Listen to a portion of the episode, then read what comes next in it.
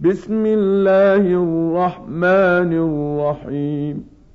والنازعات غرقا والناشطات نشطا والسابحات سبحا فالسابقات سبقا فالمدبرات أمرا.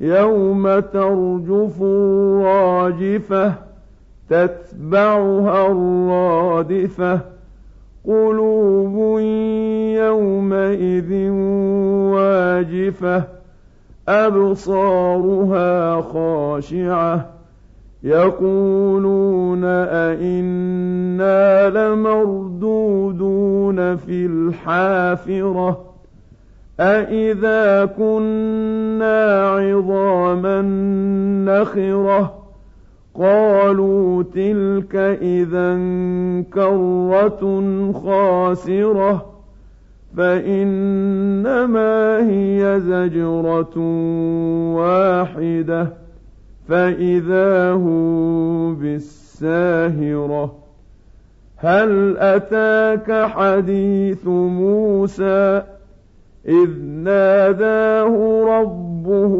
بالواد المقدس طوى اذهب إلى فرعون إنه طغى فقل هل لك إلى أن تزكى؟ وأهديك إلى ربك فتخشى فأراه الآية الكبرى فكذب وعصى ثم أدبر يسعى فحشر فنادى فقال أنا ربكم الأعلى فأخذه الله نكال الآخرة والأولى. في ذلك لعبرة لمن يخشى أأنتم أشد خلقا أم السماء بناها رفع سمكها فسواها وأغطش ليلها وأخرج ضحاها والأرض بعد ذلك دحاها أخرج منها ماءها ومرعاها والجبال أرساها. متاعا لكم ولأنعامكم فإذا جاءت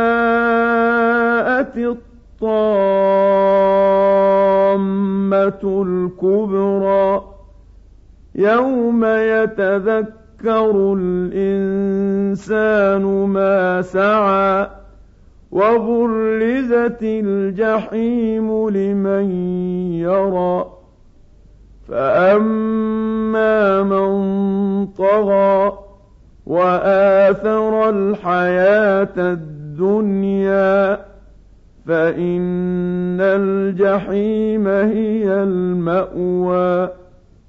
وأما من خاف مقام ربه ونهى النفس عن الهوى فإن الجنة هي المأوى.